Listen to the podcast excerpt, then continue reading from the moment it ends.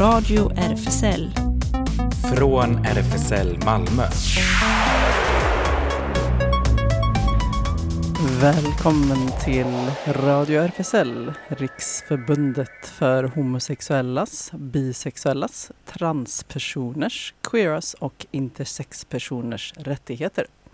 Och här sitter jag, Ellen, bakom teknikbordet och på andra sidan glaset. Där sitter jag, Claes. Och idag har vi ingen gäst utan vi har spelat in två gäster istället. Just det, så man kan säga ändå att vi har dem med oss Ja, lite grann ändå, men inte just i studion. Nej, precis. Och det är, vi fortsätter ju vår rundvandring här bland politiker, politikerna, de som sitter i kommunfullmäktige, eh, representanter för dem. Och då har vi träffat eh, Nils Porup Petersen från Centerpartiet och Dusan Mikovski från Liberalerna.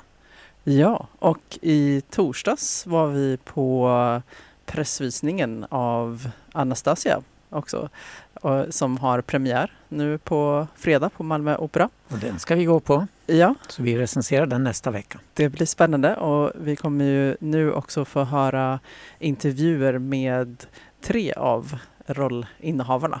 Yes, det får vi. Spännande. Ja, och så massa nyheter och det händer förstås. Eh, Vi kör igång med Bouncy Castle. Välkommen igen.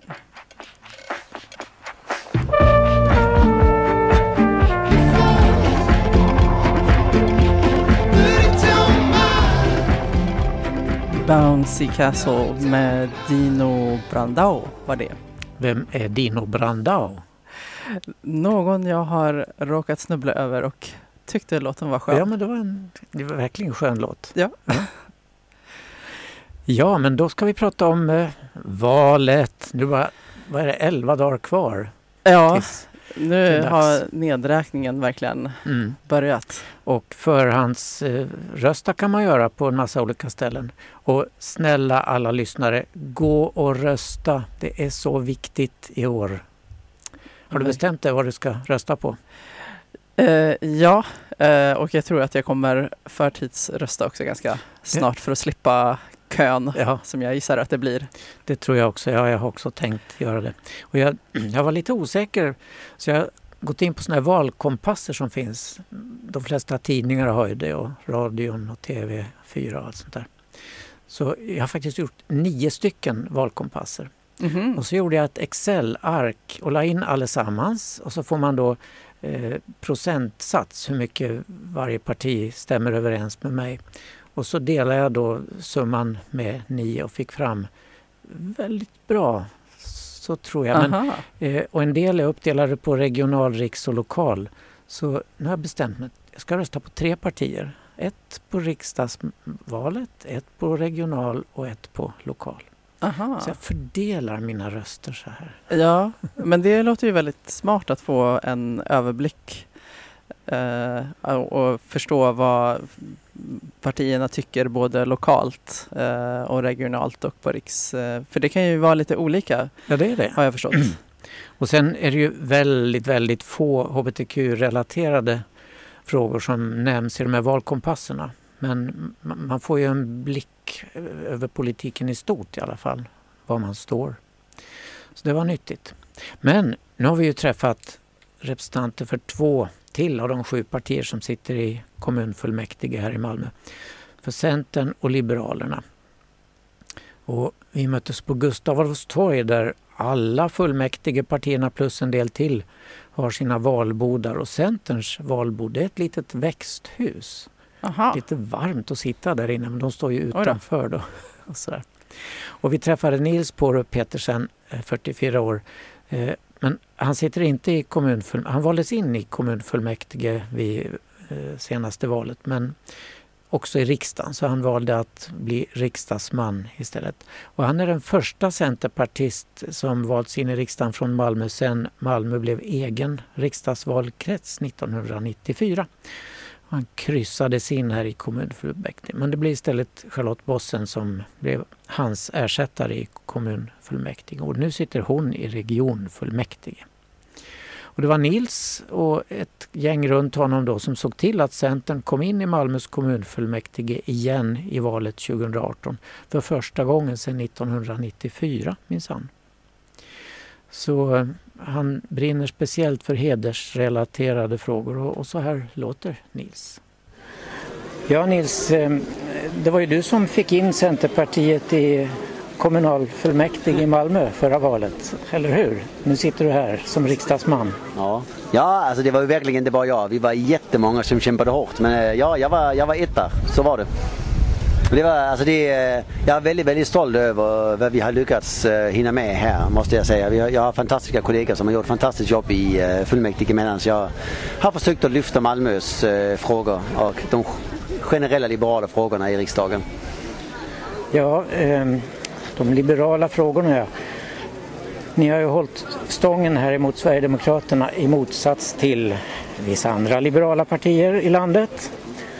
Hur ser du på den utvecklingen?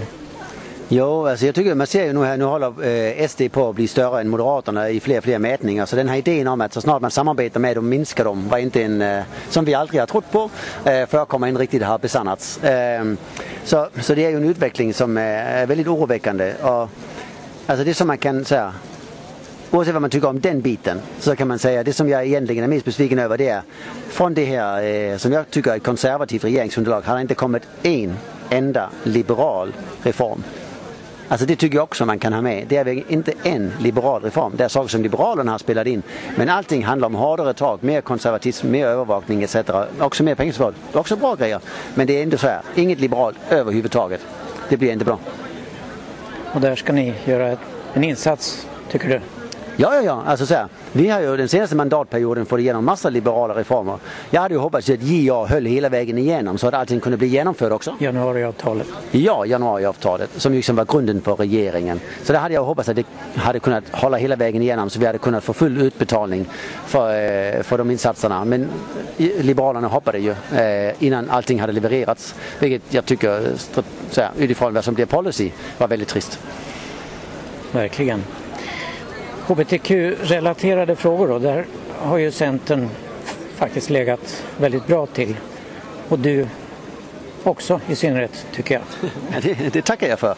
Nej, men så här, alltså för mig är det så här, det är ju inte så här, jag, jag ser det ju inte som så här HBTQI eller plus eller vad, alltså det är inte det som är, för mig är det bara en, en, en, en, en, en, en frihetsfråga.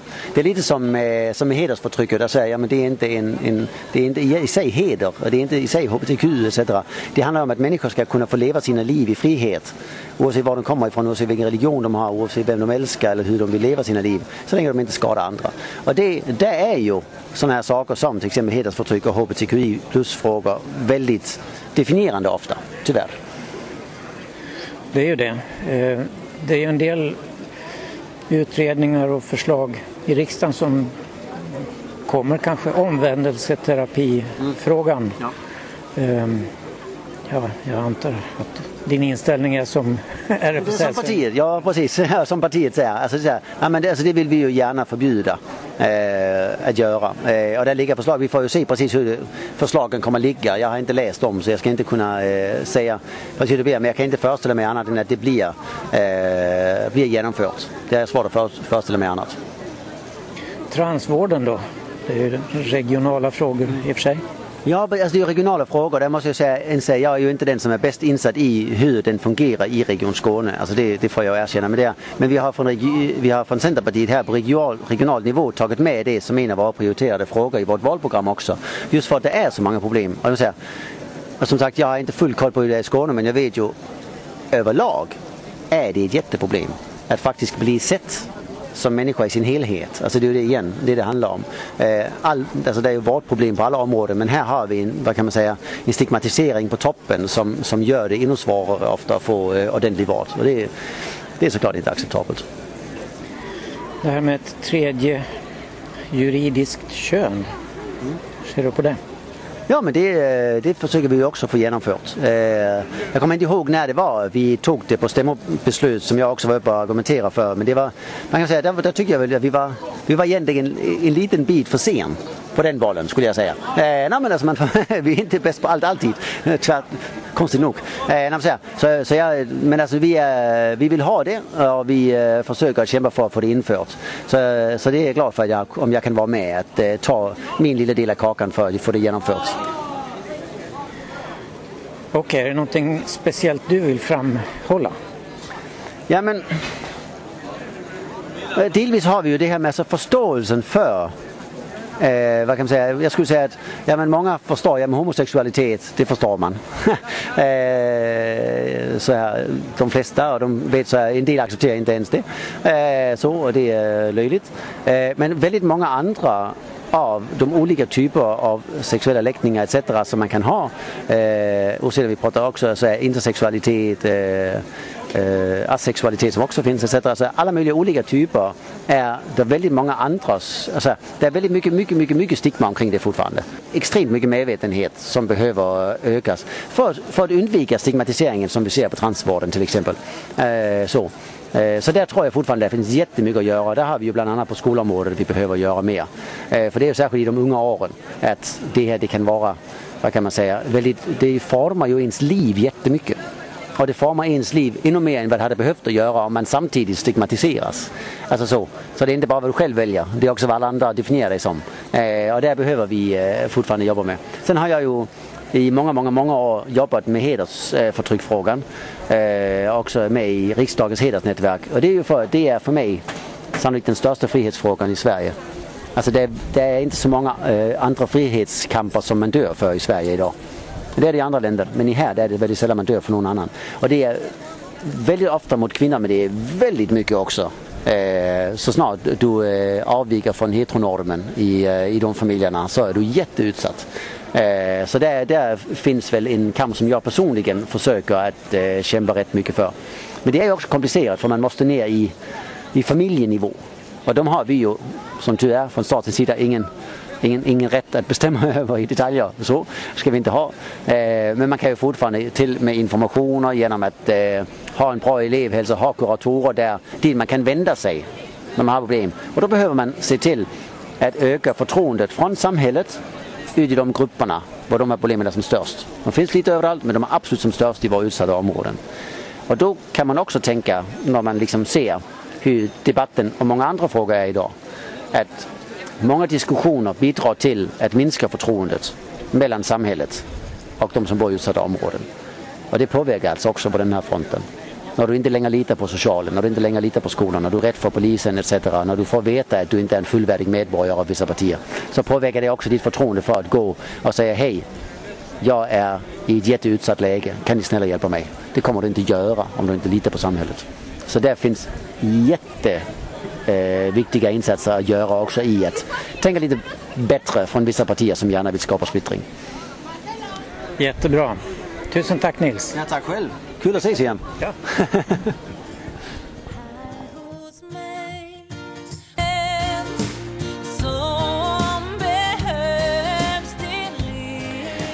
Ja, så sitter vi utanför Liberalernas valstuga på Gustav Adolfs torg och vi pratar med Dorsen Mjövs heter jag.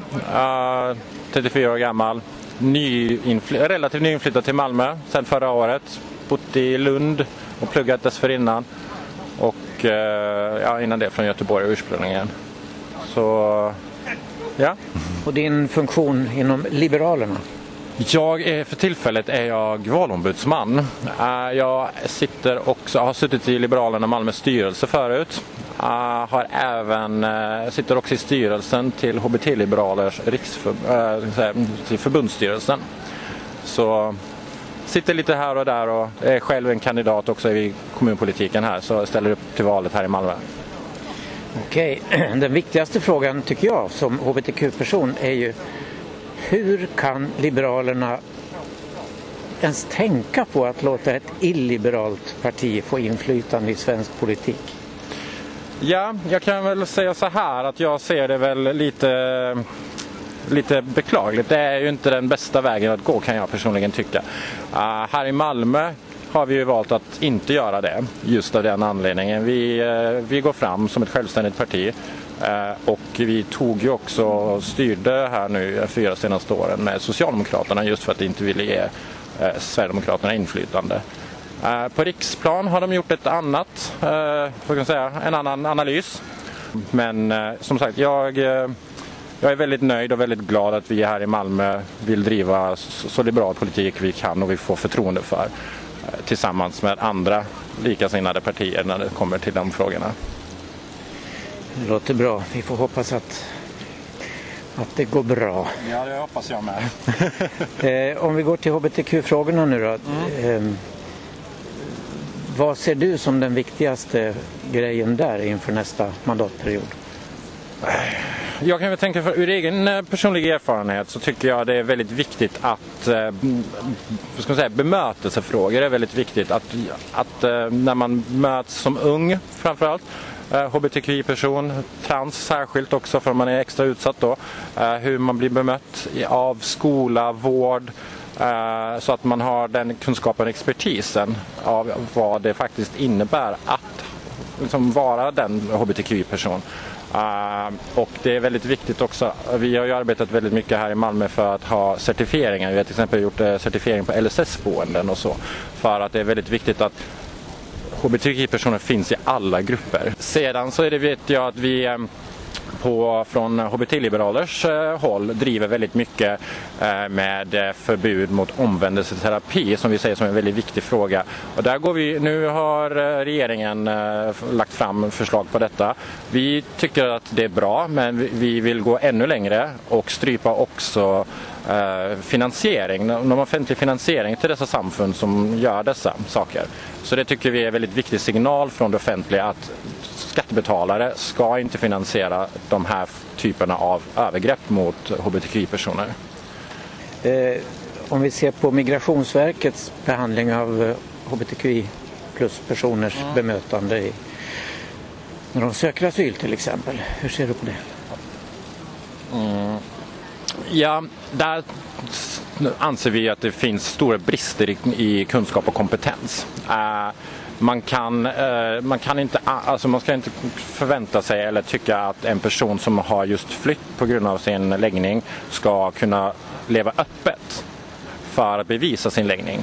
Eh, och där krävs det ett större, eh, att man sätter större resurser och arbetar mer med hur man arbetar med just de frågorna för att hbtq-personer har en särskild utsatt position när de kommer och flytt just av de här skälen jag tycker personligen att det är väldigt märkligt att på något sätt ställa som ett krav att en person ska leva öppet när man hela livet har förföljts på grund av sin läggning och nästan tvingats dölja den.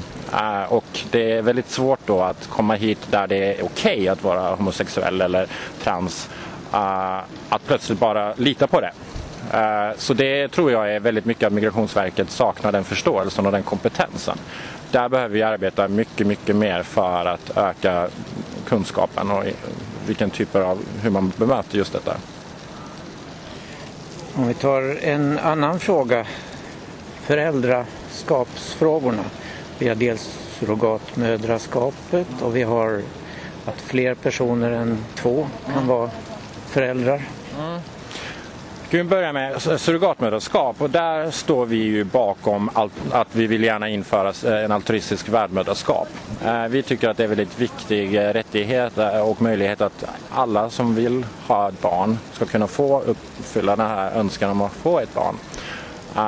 Så där vill vi ju se att det ska bli lagligt.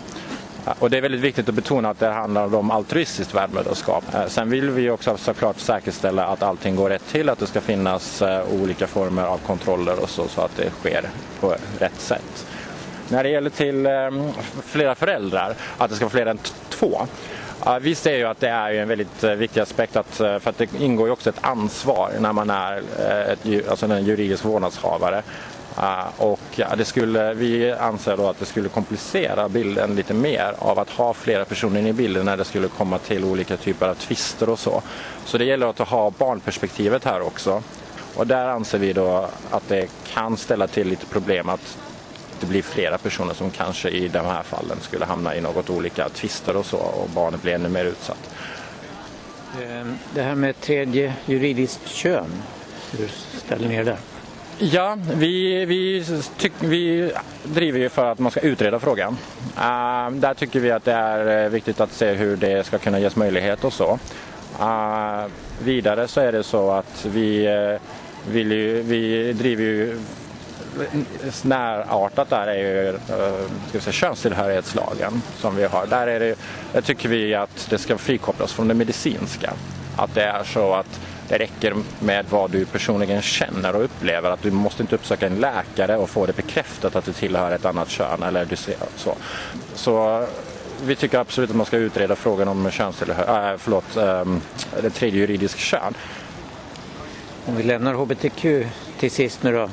Mm. Eh, om ni kommer in i fullmäktige lokalt, mm. hur ställer ni er till att bilda en ny koalition tillsammans med Socialdemokraterna som den här perioden. Det viktiga är att vi får en liberal politik i Malmö och att vi också gör den så lite illiberal som möjligt. Så det är det vi går fram till. Så vi, vi tycker att det har funkat bra tillsammans med Socialdemokraterna. Um, sen får vi se vad väljarna tycker. Men ja. Låter bra. Tack ska du ha. Tack själv.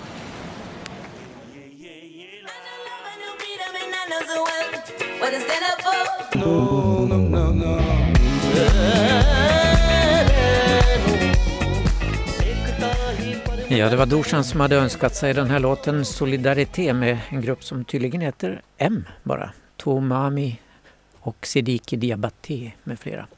Eh, Nils glömde jag fråga och har inte fått fatt på honom så jag vet inte vad han hade önskat sig för låt. Så jag hittade någon gammal Centerpartilåt som heter Nära mig. Nära dig heter den. Ja, just det. Gungig ändå. ja, ja. ja. Okay. Men då flyttar vi oss till Anastasia, en annan slags musik.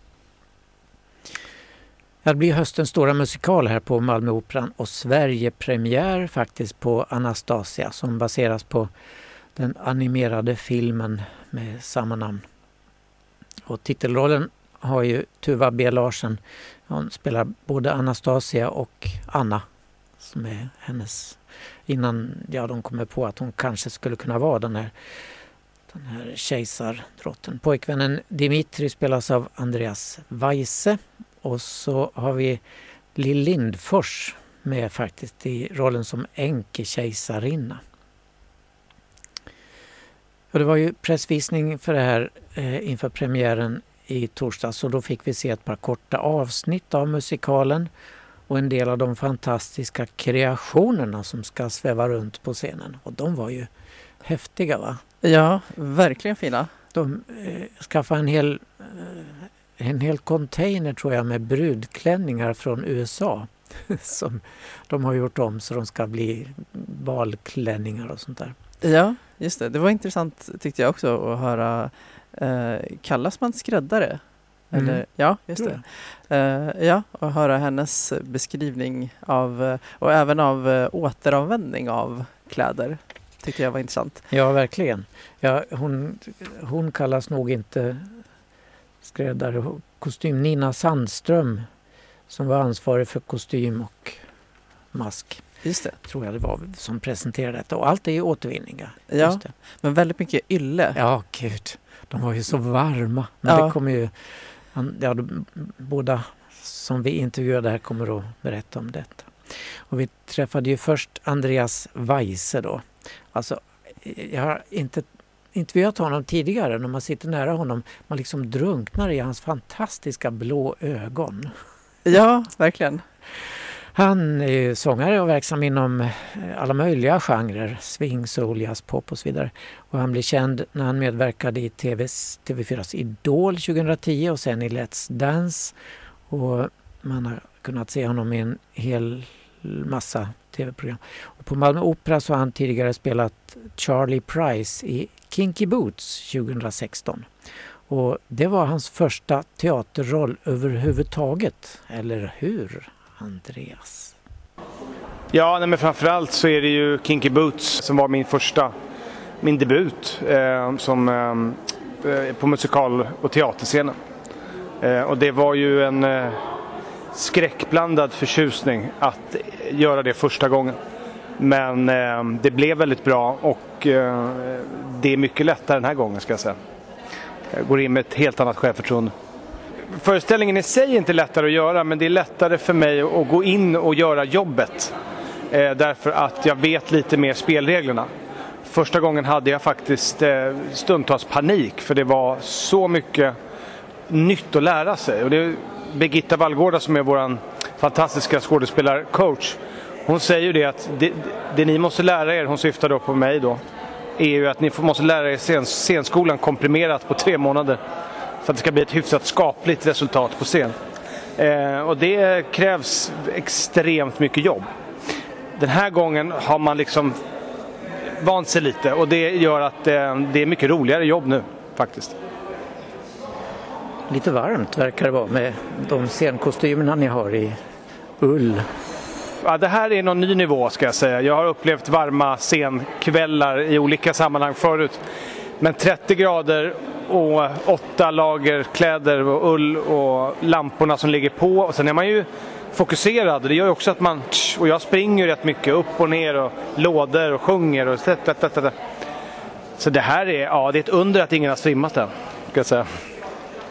Vi går ju mot lite svalare tider så det kanske blir bra. Men det, det har ju varit återbruk som ska vara ledstjärnan här då. Ja.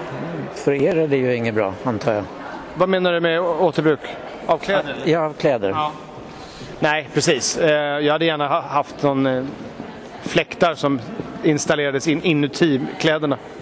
Men på ett sätt så är det ju så att vi berättar ju en, en historia här och vi eh, Många brukar fråga mig nu under den här tiden hur det är att spela en sån här föreställning eh, när vi befinner oss i ett klimat av eh, krig just med Ryssland. Eh, och det tycker jag är extra viktigt nu att, att försöka skildra historier och, och våldet och hur det var förr. Eh, jag tycker det är väldigt fascinerande att eh, det var grovt och det var blodigt redan på den tiden. Eh, och det är ändå modern tid på ett sätt, även om det är 1917. Och, eh, därför är det häftigt med kläderna att man känner sig, det är lite som en tidsresa. När man hoppar i de här kläderna, den här är från 50-talet. Västen. Västen och de här är original från 20, jag vet inte.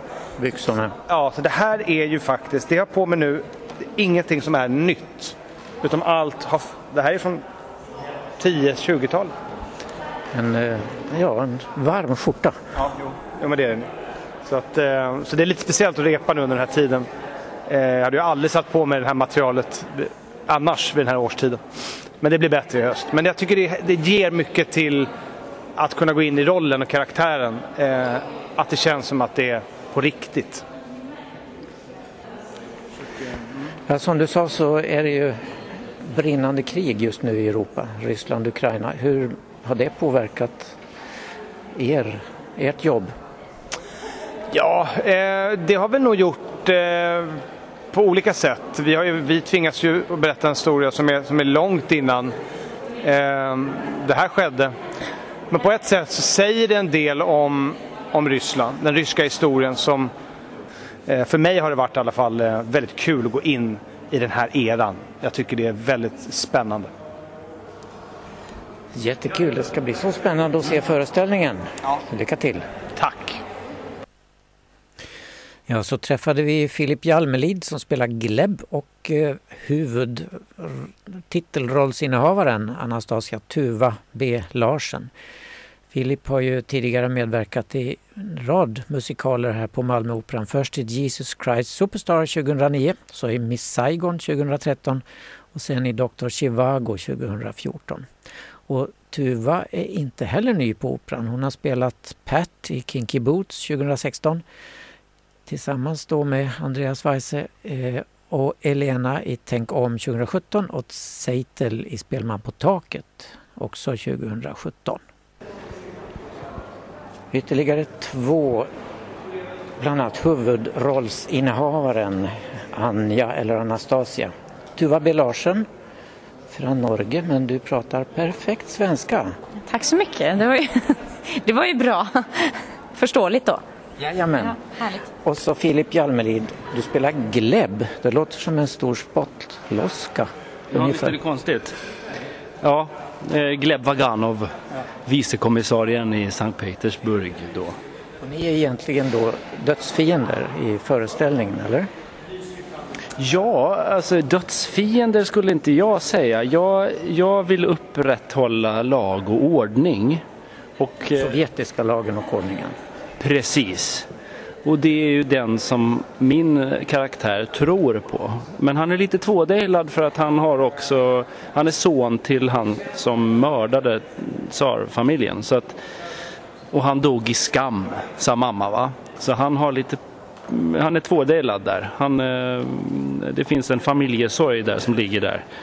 Men han jagar ju eh, Anastasia då för att han inte tror att det är hon helt enkelt. Det finns många bedragare ju och de ska ju lagföras såklart. Och du vet inte riktigt vad du är för du har minnesförlust som roll då. Precis, så jag försöker ju att ta reda på vem jag är helt enkelt. Och starka bilder eh, som ger hint om vem jag är hela vägen. Men, men eh, det tar ganska långt in i föreställningen innan alla bitar faller på plats. Eh, men det är ju absolut lite, vad ska man säga, allvarligt mellan Gleb och Anja. Mm. Åtminstone Ja, kan man ju säga. det kan man lugnt säga. Menar du med allvarligt? Ja, nej, men det blir ju en eh, konf konfrontation. Ehm, Så det är ju inte eh, så som vi är vana att jobba tillsammans, jag och Filip. eh, på det. Men ni är ju ett par privat, eller? Ja, Ja, och vi har ju gjort, vi har ju spelat två och ett halvt år eh, i Så som är himlen på Oscarsteatern. Som kärlekspar, så att det här är ju givetvis helt annat. Men det är ju roligt tycker jag. ja, ja, ja, men det är bra. Man har kanske också kommit till nästa ställe i relationen också. Skönt att skrika lite på varandra kanske. Ja, rensa luften. Avreagerar jag här? Ja. Nej, men det är ju väldigt kul att få spela tillsammans såklart. Och ni har båda en historia på Malmöoperan, även om det var sex år sedan du var här. Åtta faktiskt. Åtta år? Ja. Okej. Det är inte klokt. Ja. Vad gjorde du då? Då gjorde jag Doktor Chivago, också en rysk saga ju. Eh, Bara liksom hoppar tillbaks i... Ja, det var nog hemskt vad mycket eh, liksom, gubbar med, med dålig smak på lag och ordning som jag liksom får göra här hela tiden. Vad gjorde du här sist? Eh, Det var Spelman på taket där jag spelade äldsta dottern, Saiter. Så det var väl 2017, 18. Och den här föreställningen, när musikalen kom, då visste man ju inte riktigt. Man hade inte gjort DNA-koller och allt sånt där. Men nu vet man ju allt. Att det inte var Anastasia. Hur känns det att spela henne? Eh, ja, jag, ja, sen har ju musikalen sin egen eh, sanning skulle jag säga. Så som jag ser det i alla fall. Eh, så det är, ju, det är ju en saga vi spelar. Eh, och jag tycker, ja men det är väldigt, det är ju framförallt väldigt kul att göra en sån här omfattande roll. Eh, man får ju svettas en hel del. Det, det är ganska skönt att sätta igång ordentligt. Jag fick höra det här av kostym kostymansvariga att de har använt återbruk och så är det ull i alla kläderna. Det låter ju fruktansvärt i 30 grader hetta. Ja, absolut. Instämmer. Men Och din uniform som går eh, knäppt ända upp i halsen, det måste vara... Det enda som är bra med det materialet är ju att det är väldigt bra på att ta upp vätska så att man, man får ju aldrig sådär fula ringar under armarna och på ryggen och sådär utan det hålls ju innanför då men det är som en bastu. Det kan definitivt hålla med om. Ja, Jättebra, då säger vi bara lycka till. Det ska bli spännande att se er. ja kul. Tack. Tack så mycket. Ja, i föreställningen så lider då Anja, eller Anastasia, av minnesförlust. Och de försöker återuppva... Är det inte så att du verkligen är Anastasia? Jo, kanske. Och så sjunger hon här I min dröm.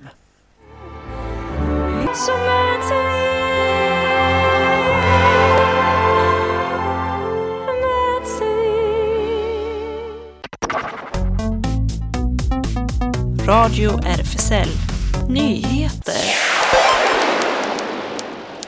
Ja, idag släppte Sverigedemokraterna sin rapport som heter Lägst invandring i Europa där partiet listar 30 punkter för hur Sverige ska komma ner till EUs miniminivå för invandring. Personer som, eh, som det heter, blivit homosexuella i Sverige är ett av asylskälen som föreslås strypas.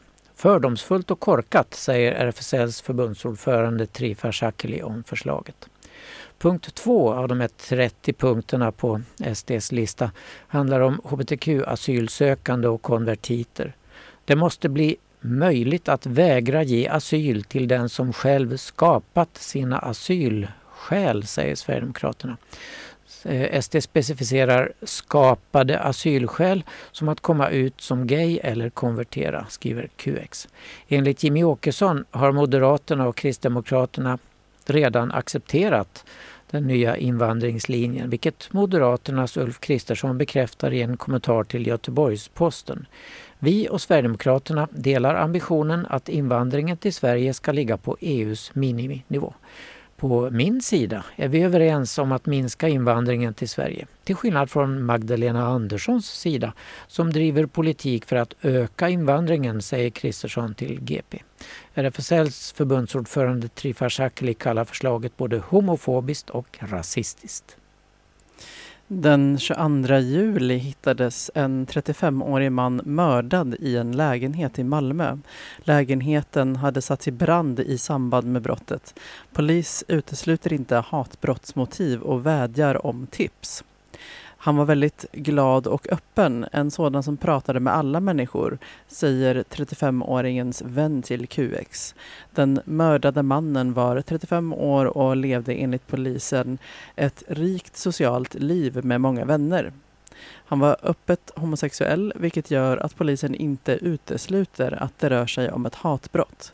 Enligt Sydsvenskan är ett möjligt motiv som polisen nu utreder att han lurats in i en dejtingfälla. En vän till 35-åringen berättar för QX om en glad och karaokeälskande kille som tyckte väldigt mycket om människor. Han jobbade med människor och var väldigt glad och öppen. Han var en sådan som pratade med alla. Han älskade karaoke så han brukade hänga på Azalea på Möllan. Han eh, hade börjat dejta en man han träffade, eh, träffat på Pride. Det var också på karaokebaren Azalea som de sågs sista gången en vecka innan 35-åringen mördades i sitt hem. En vän till oss eh, en vän till oss båda hade fyllt år så vi sågs där. Vi pratade lite den kvällen och allt verkade bra i hans liv. Han hade börjat dejta någon som han träffade i samband med Pride och var glad. Efter mordet på 35-åringen har hans vän blivit lite mer försiktig i livet. Han berättar att han till exempel inte bjuder hem någon från Grindr utan istället träffas ute. Det här har satt lite skräck i en, att en i communityt, att en i communityt mördats på det här viset. Jag har hört från andra här nere att de också är oroliga. I ett pressmeddelande från polisen vädjar de om tips från allmänheten. Polisen beskriver bland annat att mannen ofta sågs cyklandes på sin svarta herrcykel och att han regelbundet besökte ett gym i närheten av sin lägenhet på Buresgata 16. Utvisningshotade Snar Boskurts ansökan om uppehållstillstånd ska prövas på nytt efter att fallet har blivit känt i både svensk och turkisk media. Ändå släpps han inte ut från förvaret där han suttit sedan i fredags i väntan på utvisning. Säpo anser att han är ett eh, citat hot mot rikets säkerhet. Förra onsdagen, efter nästan en vecka på förvaret i Göteborg, kom beskedet att utvisningshotade Snars ansökan om uppehållstillstånd ska prövas på nytt. Detta efter massivt stöd från aktivister som samlat ihop nära 4 000 namnunderskrifter de senaste dagarna.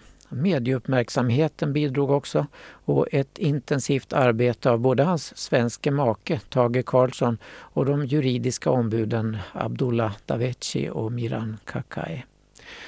Han eh, kommer dock att bli kvar på förvaret i Kållered eftersom Säpo fortsatt klassar honom som ett hot mot rikets säkerhet. Bevisen mot honom är hemligstämplade och går därför inte att ta del av eller bemöta. Offentliga ombudet Abdullah det Vechiska nu eh, överklagar nu beslutet om fortsatt förvar till Migrationsdomstolen i Stockholm. Han har bott här i åtta år och har inte begått ett enda brott. Vad tror de att han ska göra? Det är bara löjligt, anser Deveci. Abdullah säger att det är lätt att tro att allt är över när ärendet nu återöppnas. Därför är det viktigt att fallet fortsätter att uppmärksammas.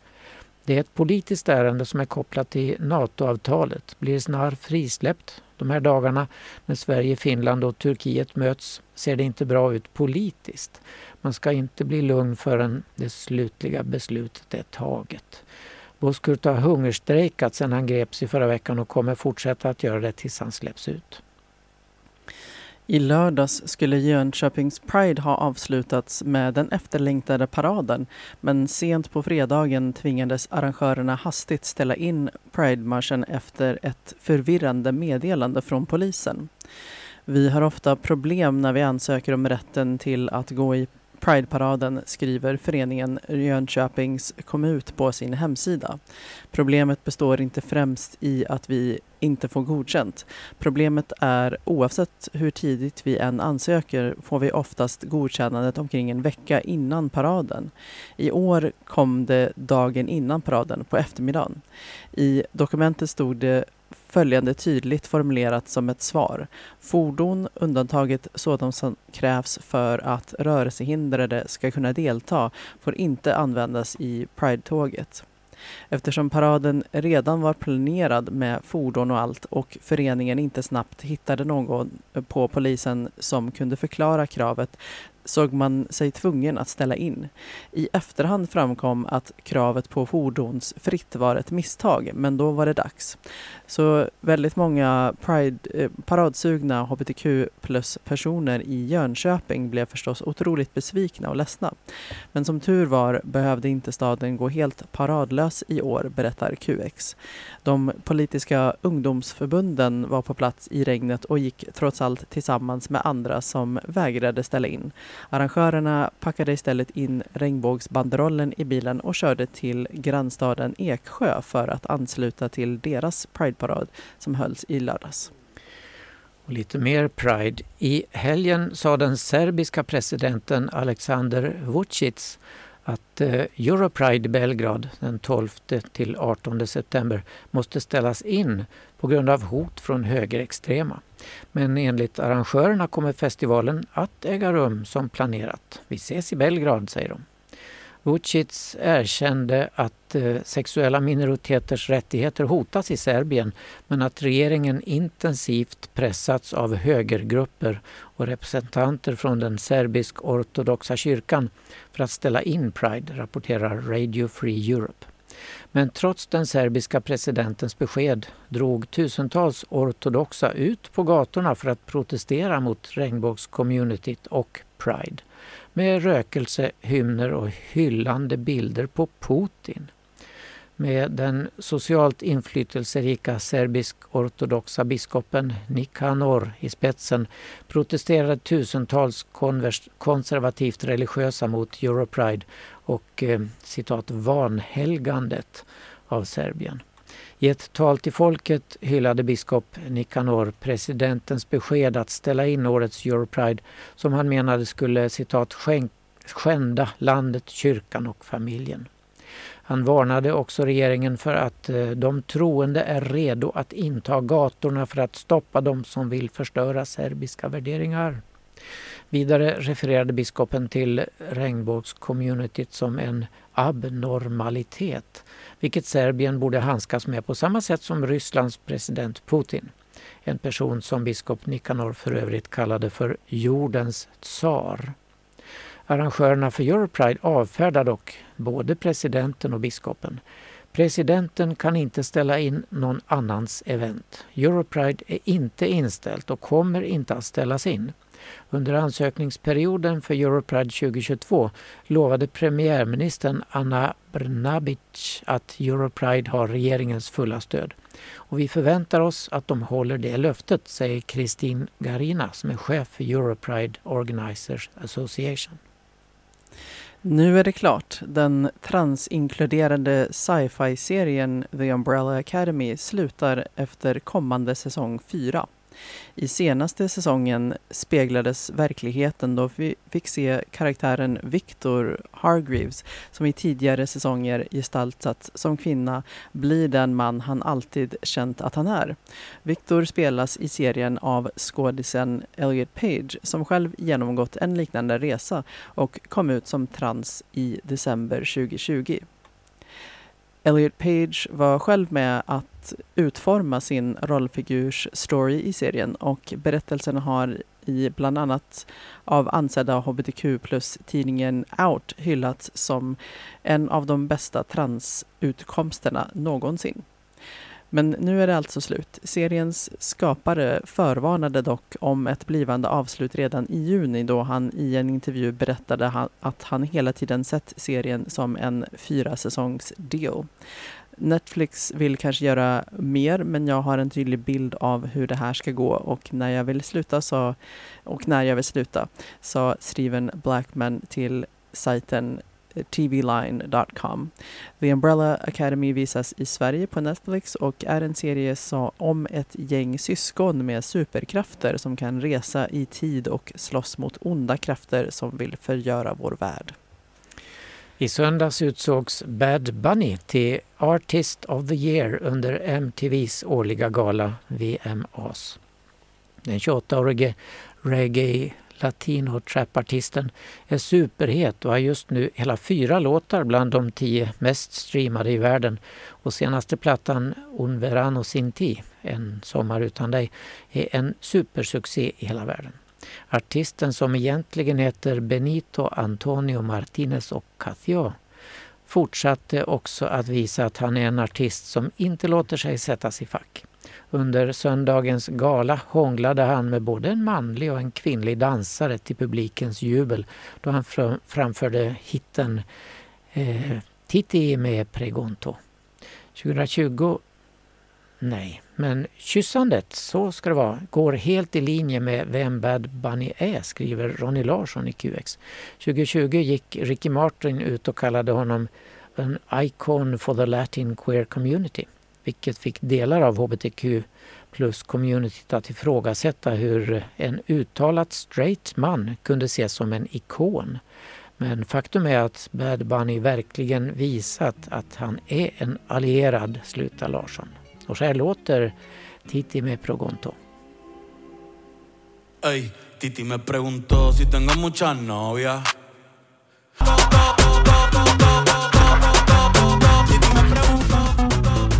Radio RFSL. Det händer! Ja, tiden har gått fort. Vi har inte så mycket tid över till Det händer, men eh, RFSL Malmö har sin lokal på Stora Nygatan 18 och man kan gå in på hemsidan malmo.rfsl.se och få lite information kanske, eller Facebook, det kanske är bättre. Eh, och vi har öppet café torsdagar klockan 13 till 16 och seniorcafé vissa söndagar. Eh, oj då, eh, nu måste jag hitta min flik här. Ah, Space Malmö kan jag säga då, träffas i princip varannan lördag i lokalen för umgänge och spel. Eh, och man återstartar nu på lördag den 3 september och bestämmer hur kalendern ska se ut. Mm. Och Bipan-nätverksträffarna drar snart igång igen. Säsongstart söndag den 18 september klockan 15. Newcomers populära kaféverksamhet på fredagar 15 till 19 fortsätter under sommaren förstås. Och Habitat Q, ungdomshänget, är fortsatt måndagar och torsdagar 17 till 20. Man kan hålla sig uppdaterad om var på Facebook eller Insta. Där är det snabel habitat Q. Och SLM Malmö, eh, medlemsklubben för bara män, som man hittar på slmmalmo.se på nätet eller Sallerupsvägen 30 i verkliga livet. På tisdagar är det klubb klockan 20 till 24 och lördagar klubb 22 till 02. Mm. Och imorgon klockan 17 blir det performance av verket Uproot slash Displace med konstnären Hani Kamali. Du är välkommen att ta del av Hani Kamalis performance av hennes tredelade verk Uproot Displace eh, som eh, alltså blir först imorgon. Eh, den har senare lagts eh, så att det blir imorgon klockan 17. Eh, och lite kort om verket. Eh, I verket återvänder Kamali till Stig Blombergs verk Torgbrunnen på Stortorget i Malmö. Trots sin centrala placering i staden är Torgbrunnen inte uppmärksammad för sitt rasistiska formspråk. Och ett kort bara. Konstgruppen FUL har en föreställning Tal till nationen som livesänds på Panora på lördag. Gå och kolla det.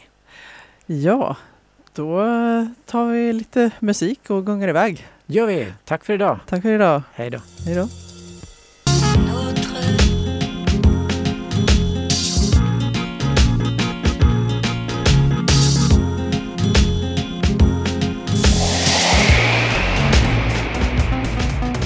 Här var Radio RFSL.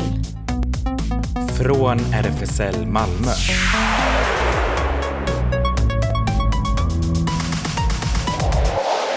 Kolla in Radio RFSL på Instagram och Facebook för mer information.